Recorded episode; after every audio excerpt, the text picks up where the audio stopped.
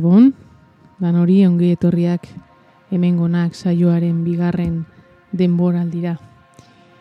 Naiz irratian gaude, iluntzeko amarrak dira eta bihartik aurrera webuneko podcastean entzungai izango duzue saioa. Uda arraro hau nolabait pasa dugu, batzuk ondo, beste batzuk okerrago.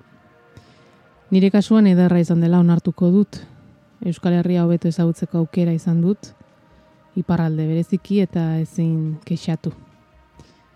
Irakasle bezala ikasturte honetarako indarrak hartuta itzuli naiz. Oso ikasturte konplikatua aurre ikusten dugulako eta eta aurre egiteko laguntza eskasa heldu zaigulako baliabidei dagokienez. Ba, izan ere gaur irailak 15 eh, irakaskuntzan greba orokorra egin dugu beharrezkoak ditugun baliabideak eskuragarri izan ditzagun. Musikarekin bueltan, latza izaten ari da ere, kulturatik bizi diren profesionalentzat egoera honetan jarraitzea. Udan hoi baino kontzertu eta manaldi gutxiago ahalbidetu direlako, eta aretoek oraindik ez daudelako e, edo ez dutelako e, behar duten kapazitatea bermatzeko baldintzarik. Teknikari eta musikari zein kulturgile profesional guztiei indarra bidaltzen diet, hemendik, eta eskerri beroenak e, terrazetan eta bueno, kanpoaldean kontzertuak emateko aukera eman duzuen hoi. Denboraldi honetan berritasunekin nator, formatuari dagokionez. Euskal musikariei dagokienez saioa bakar, bakar batean oinarrituko dut, eta nazioartekoak ba, binaka aurkeztuko ditut, bakoitzaren abesti gehiago jartzearen. Beste berritasun bat daukat buruan, bueltaka, baina oraingoz ez dute zer esango badazpadare. Oraindik ez daukat e, guzti ziurtatuta, azpiegitura eta eta ia posible dudan. Bueno, ba, gaurkoan e, Madi Nogera, hogeita bost urteko musikaria taundarra hobeto ezagutuko dugu. Euskal emakume musikari gazteen artean, ba, berezinetako bat e, iruitzen zait, Madi, Madi, berak dio modun. Folk melodio txu baten sortzaile izanik, abeslari eta letragile bezala ez bakarrik gitarra instrumentu nagusitzat daka, baino basulari bikaina da, ere. Bitxikeri moduan esango dizuet, bere baimenaz, PJ Harbiren antzi zugarria hartzen dio dala aurpegian. Ez dakit beste, beste inork somatu ote duen, baino bai, begietan bereziki PJ Harbiren antz handia hartzen diot, eta pilerekin badu bezalako ezaugarririk haman komunean. Bere ahots leuna eta sakona, nolabaiteko paretasun orekatu bat transmititzen diguna hotxa dauka marik. E, 2008an hasi zuen, ibilbidea, bakarlari gisa, ondoren 2018an talde formatura pasaztelarik. Taldeak aktibo jarraitzen badu ere, egun hauetan e, bakarkako formatura itzuli da, eta kontzertu bat eman berri du oiangun, ordizia rock jaialdiaren egitarau moldatu berriaren barruan. Kontzertua ikusgai duzue, goierri irrati telebistaren webunean edo magiren Facebooketik eh, estekan zuzenean. Entzun dugun abestia kaioletan da, gaur ekarri dudan bildumari dagokiona. 2008an argitaratu zuen lehen maketa edo epeari buruz ari naiz. Ezagutu, onartu, maitatu, lana. Bankanpen entzungai dituzue, e, aurrez grabatuak zituen beste irukanta, bueno, lan honetan sartu dituenak, baino hiru grabazio horiek Utopia Kaioletan eta Ausart e, banakako formatuan grabatu zituen aurretik gitarra soilean eta ondoren esan bezala epe honetan sartu ditu. E, zeia bestiko lan hau argitaratu zuen berak gitarra akustikoa eta basua jo zuelarik, eta gitarra elektrikoan zein baterian Pablo Sánchezek lagundu zion. Perkusioan berriz Xabi Lopezen laguntza izan zuen. Pablo Sánchezek berak grabatuta, mimo handiz esango nuke, soinuaren kalitateari begira, ondoren Carlos Osinagak txapek eh, bomberenean mazte izatu zuen, eta zalantzarik ez, honen ukitu pertsonala ere somatzen dugula soinuan. Epean lau abestiren hitzak madik berak e, idatzitakoak badira ere, bada Feeling Good Nina Simoneren bertsio bat eta kaioletan abestiaren hitzak German Urteaga bertsolari lagunarenak dira. Sentimenduen kaioletan giltzatzen gara batzuetan dio magik. Kemenak buelta ematen dion arte. Orduan beldurrak ez du lekurik zainetan sentitu duenarentzat bere burua maite duenarentzat. Lanaren izenburuak berak adierazten duen bezala, norbere burua onartu eta maitatzearen inguruan diar dute abestiek. sortzaileak garaian 2008an hogei urterekin e, bere burua ezagutzen hasten denaren esperientzia islatzen dutelarik. Entzun dezagun gai honekin bat datorren urrengo kanta, ausart. Bizitzan ausarta izan behar da, bihotzari egin kasu eta aurrera, dio magik.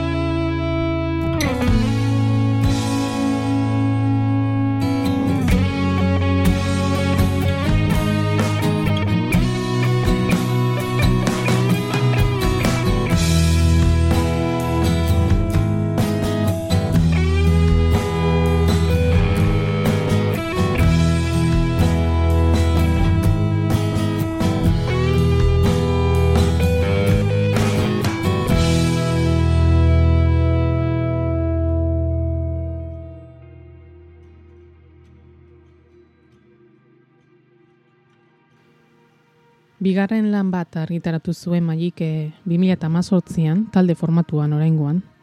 Jinjan izeneko luzea grabatu zuen bomberenean.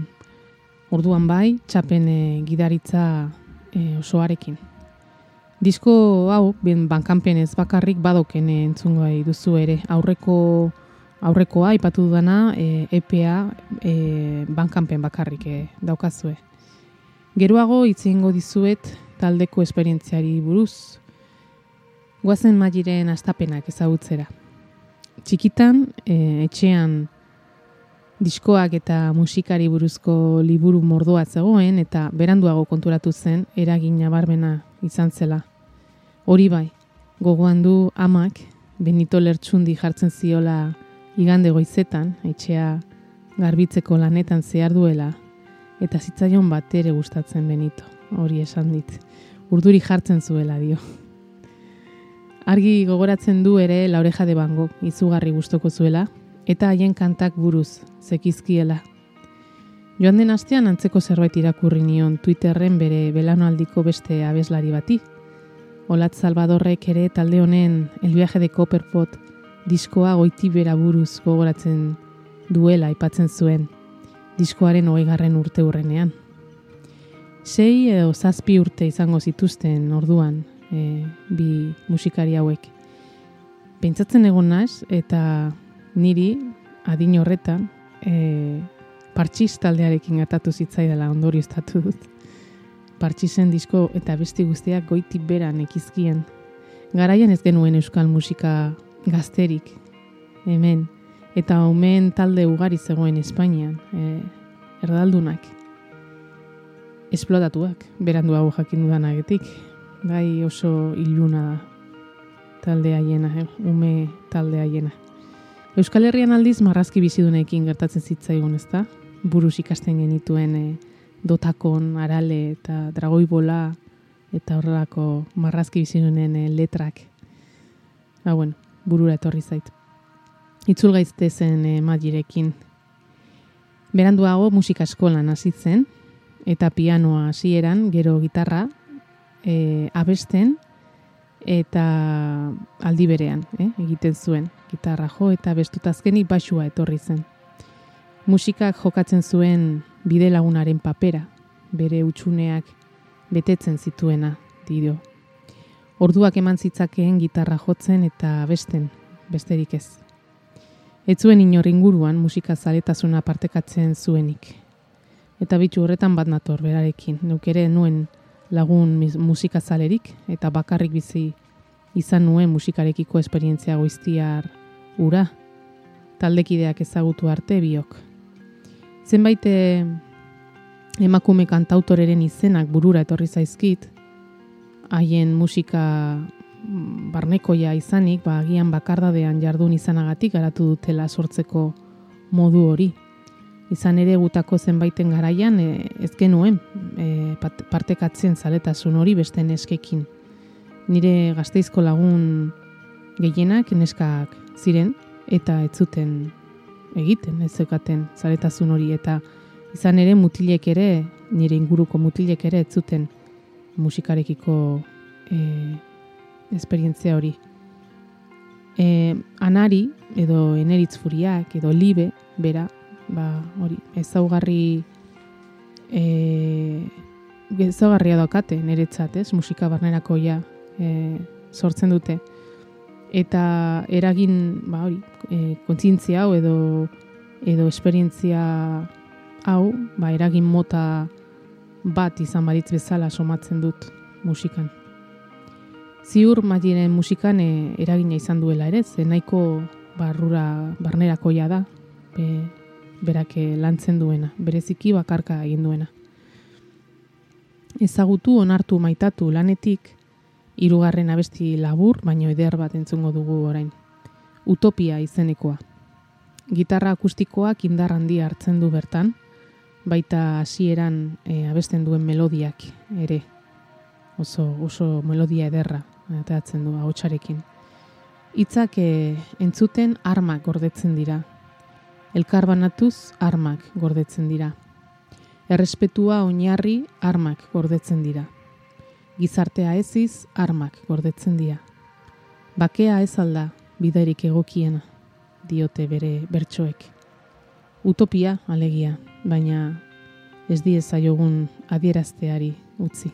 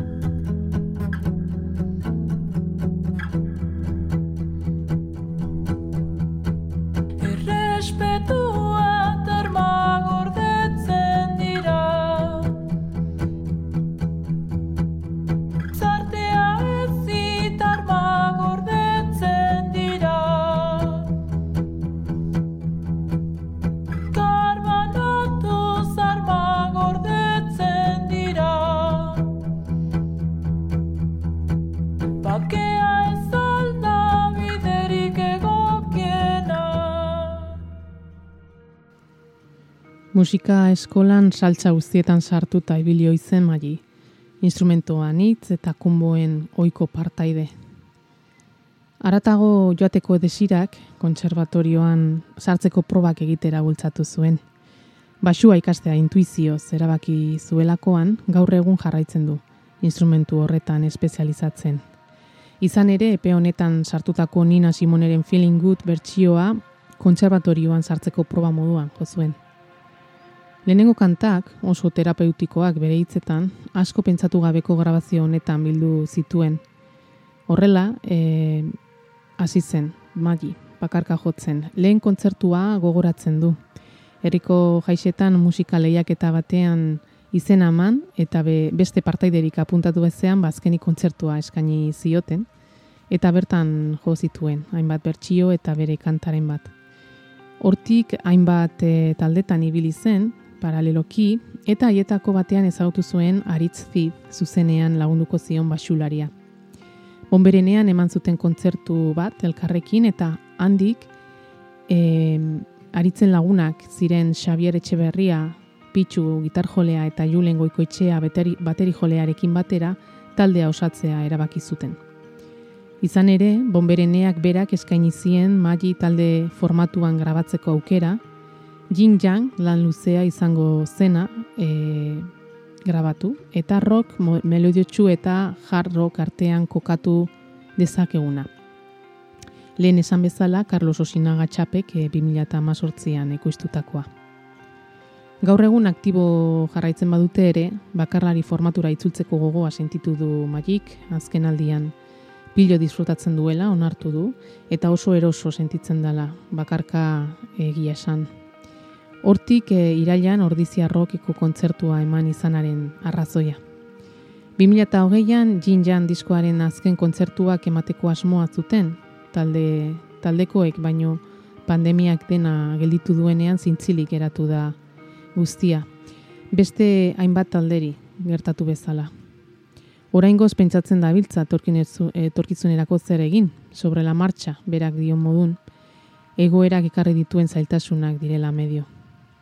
Entzun dezagun zer nolako soinua lortu zuten talde formatuan, Magiren bakarkako abestietara itzuliko gara gero. Hemen, jinjan lanetik gozoena eta nire gogoenetariko bat, desertu hila.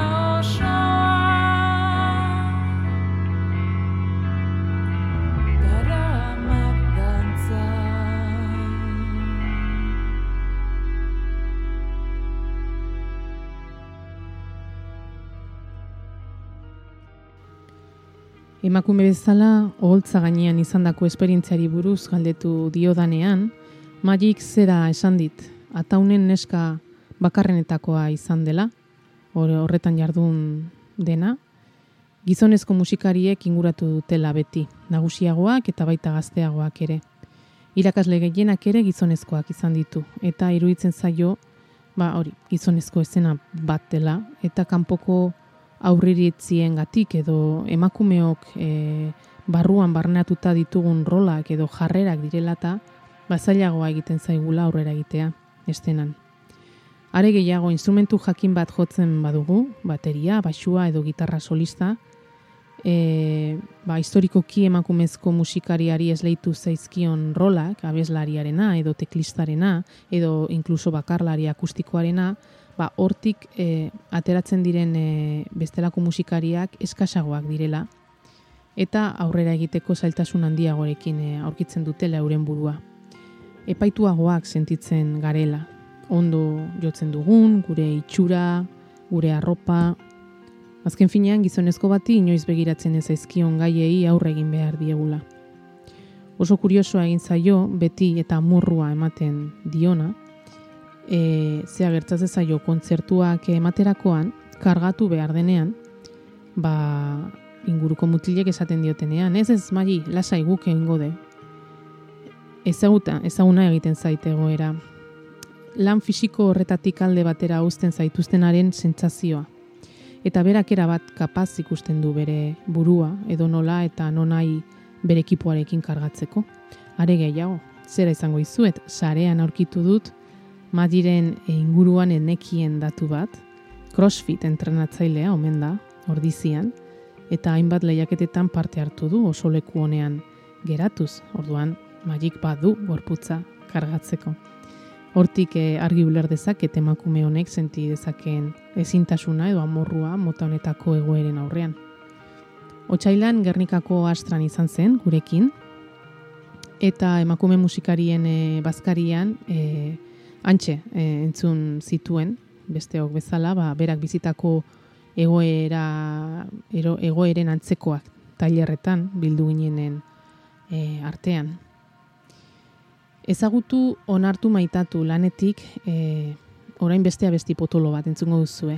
Diskoari ematen dion e, e, diskoari hasiera ematen dion kanta ederra, hain zuzen ere. Etzazu esan hitzik ez badute hau konponduko. Batzutan hobe da isilik ez ezan hitzik. Hausnartu beharra dut, ez da errasa, maite zaitut.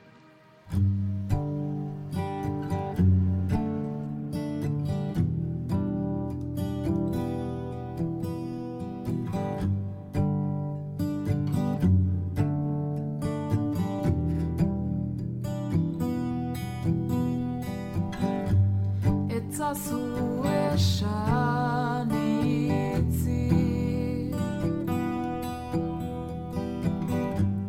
Ez badute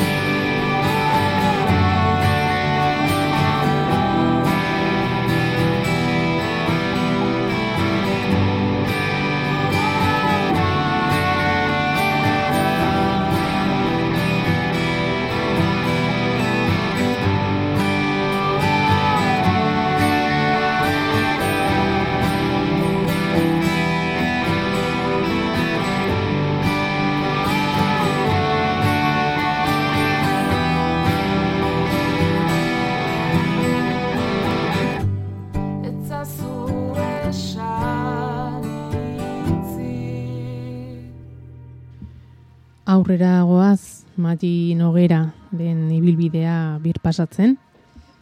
Eta, bueno, ba, bide lagun izan dituen eraginen inguruan galdetzean, Madik hausnarketa egin behar izan duela, aipatu dit. Musika ikasten hasi zenetik geroz eta musika gutxiago entzuten duelaz, konturatu da. Onerako, ala txarrerako, ez dakigu. Une euro musika entzuten zuenean, ordea, ba, zerrenda bat egin digu, entzuten zuenari buruz hitz egiteko. Berri txarrak eragin handia izan zen, roka ezagutzeko, oso fan zela, bere belanaldiko beste asko bezala. Baita anari, emakume musikari erreferentetzat eh, izan duela. Napoka iria, arnasten ikasteko berriz diskoarekin maitemindu zela aipatzen du, eta jarraitzen duela, maiteminduta. Eta beranduago Betusta Morlaaren jarraitzale sutsua izan dela, haien zuzeneko askotan egon dela. Gaur egun Carmen Bozaren ibilbidea gora aipatzen du, bere proiektuak aurrera eramateko modua, zeinekin jotzen duen ere, Estefania Gomez, bere taldeko basularia bikaina dela aipatzen du, eta Carmenek berak e, gitarrarekin nola manaiatzen, gitarra nola manaiatzen duen e, moduarekin impresionatuta dagoela.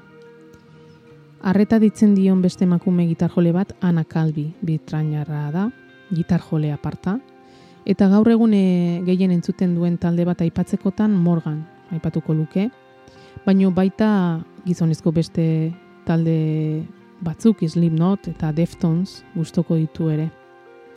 Jaza entzuten du, baita ere, gizonezkoa gehien bat aipatzen duenez. E, Shade Baker, Miles Davis, olakoak, hanka bat sartuta dauka genero horretan ere, musika eta bereziki basua ikastea kortik bideratu duelako. Madrilekin konpartitzen dudan eragin bati buruz arituko naiz pixkat, eta haren abesti bat entzungo duzu orain, Ana Kalbi bitrainarraz eh, ari naiz. Arauak austea, bi hitzoiek, Ana Kalbiren eskuetan, tuiken jamen jaio zen eh, Ana Kalbi, eh, mila behatzen dela garren urtean, eta bi hitzoiek arauak austea, heteropatriarkatuaren eh, ba hori, agindu edo sexualitatearen arauen aurkako alegatuak bihurtzen dira. Gitarra gordin, distortzenatuekin eta ahots bikain batekin ezarritako oinarriak dardarazten ditu, pile jabi edo lasa desela oihartzunekin. Hunter, e, domino diskoetxeak 2018an argitaratutako lan bikainan, e, bertan hautsitako mugek e, ematen duten askatasunean jario eta esplotatzera gomidatzen gaitu. Ahots erregistroaren atzaparrak ez du zerikusi handirik ordea emandako elkarrizketa ugarietan agertzen den bere susurlarekin. Izan ere, elkarrizketa hoietan e, honako hau defendatu izan du modu suabe, horretan erdi erdian biziko bagina maskulinitatearen edo feminitatearen muturretara bultzatu gabe, askeak izango ginateke. E, martxoan, pandemia hausi baino lehen, e, beste bere azken diskoa grabatu zuen, eta pandemiak eztanda egin aurretik, ba, arekin e, kontzertuak ematen hasia zen. Hunter, e, lehen aipatutakoaren e, eranskin bezala Hunted grabatu zuen, eta lan horretako saspia besti, Hunter lanan horretako saspia besti, beste hainbat musikariekin batera berriz grabatu ditu. Besteak beste Julia Holter, Charlotte Gainsbourg, Idols taldearekin, eta entzungo dugun urrengoan, Carney Barnettekin e, grabatu zuen, hain zuzen ere, eta izugarri ondo geratu zaie, Don't beat the girl out of my boy, kanta basatia, e, bideoklipa ikusten baduzu ere oso esanguratsua, Ana Kalbiren e, sentsualitatea eta bueno, indarra helarazten diguna, eta horixe entzungo dugu, orain. Ana Kalbi eta Carney Barnett, Don't beat the girl out of my boy.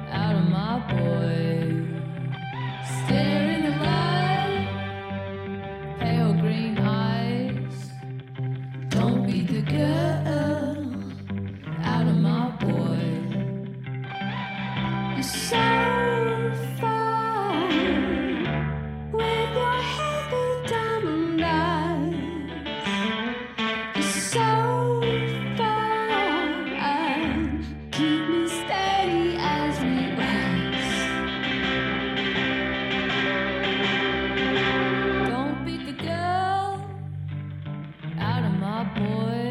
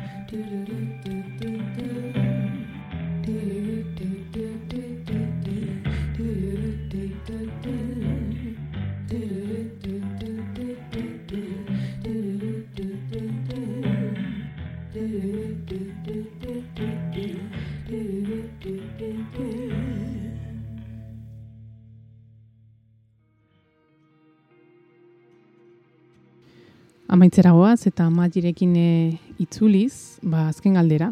Egin nion, pandemiak eta errealitate berri honek nola bizi izan duen galdetu galdetuta erantzun dit, ba, berari une honetan zuzenean eraginik e, ez e, e, egin ez badio ere, ba, mm, bera ez baita musikari profesionala. Ba, musikatik bizitzateratzen dutenek aurretik e, zaila bazuten e, ba, egoera penagarrian utzi dituela, oraingoan kultura arloko kudeatzaileen laguntza eta babes falta honek agerian geratu dela, ez? E, kontzertu eta antzokietan berak dio, ekitaldiekin e, aurrera egiteko borundate falta dagoela, esaten du. Posible litzatekeela, dagozkio neurriak hartuta, areto gehiago irekitzea. Eta estena berri honetan gorriak ikusten ari dituztela, ari direla, entxegu lokala edo kontzertuak emateko aukera galdu duten taldeek. Bakarlariek baino, baino kerrago daudela, egia esan eta teknikarien lanbideak ere jokoan daudela. Orokorrean ez du ikusten, baloratzen denik e, kulturak gizarteari ematen diona.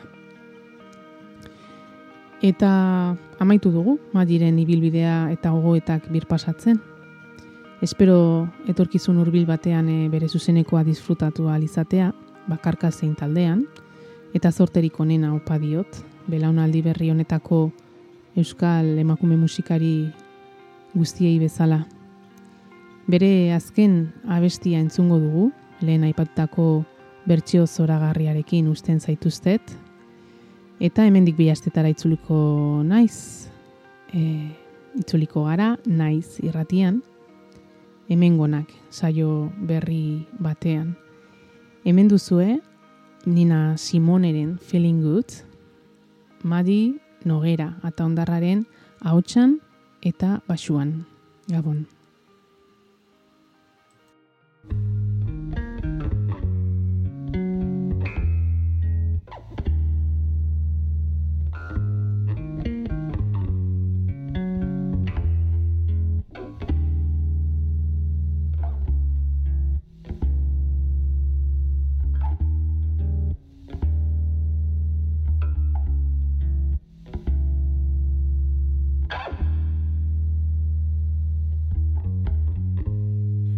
flying high. You know how I feel. Shining blue sky.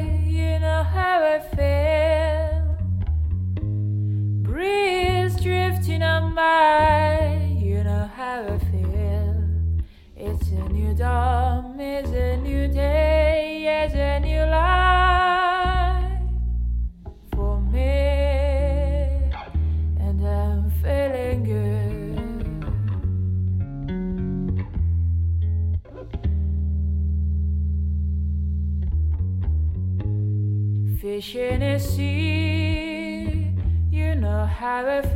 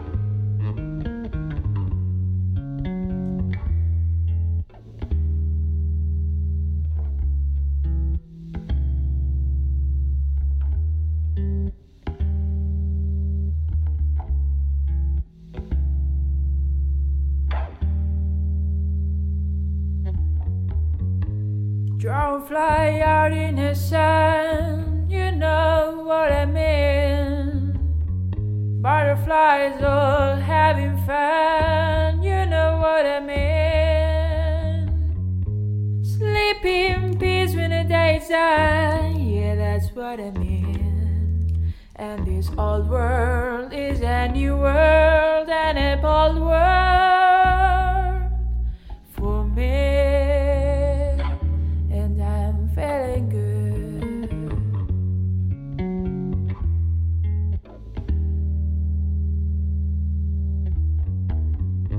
Stars when you shine,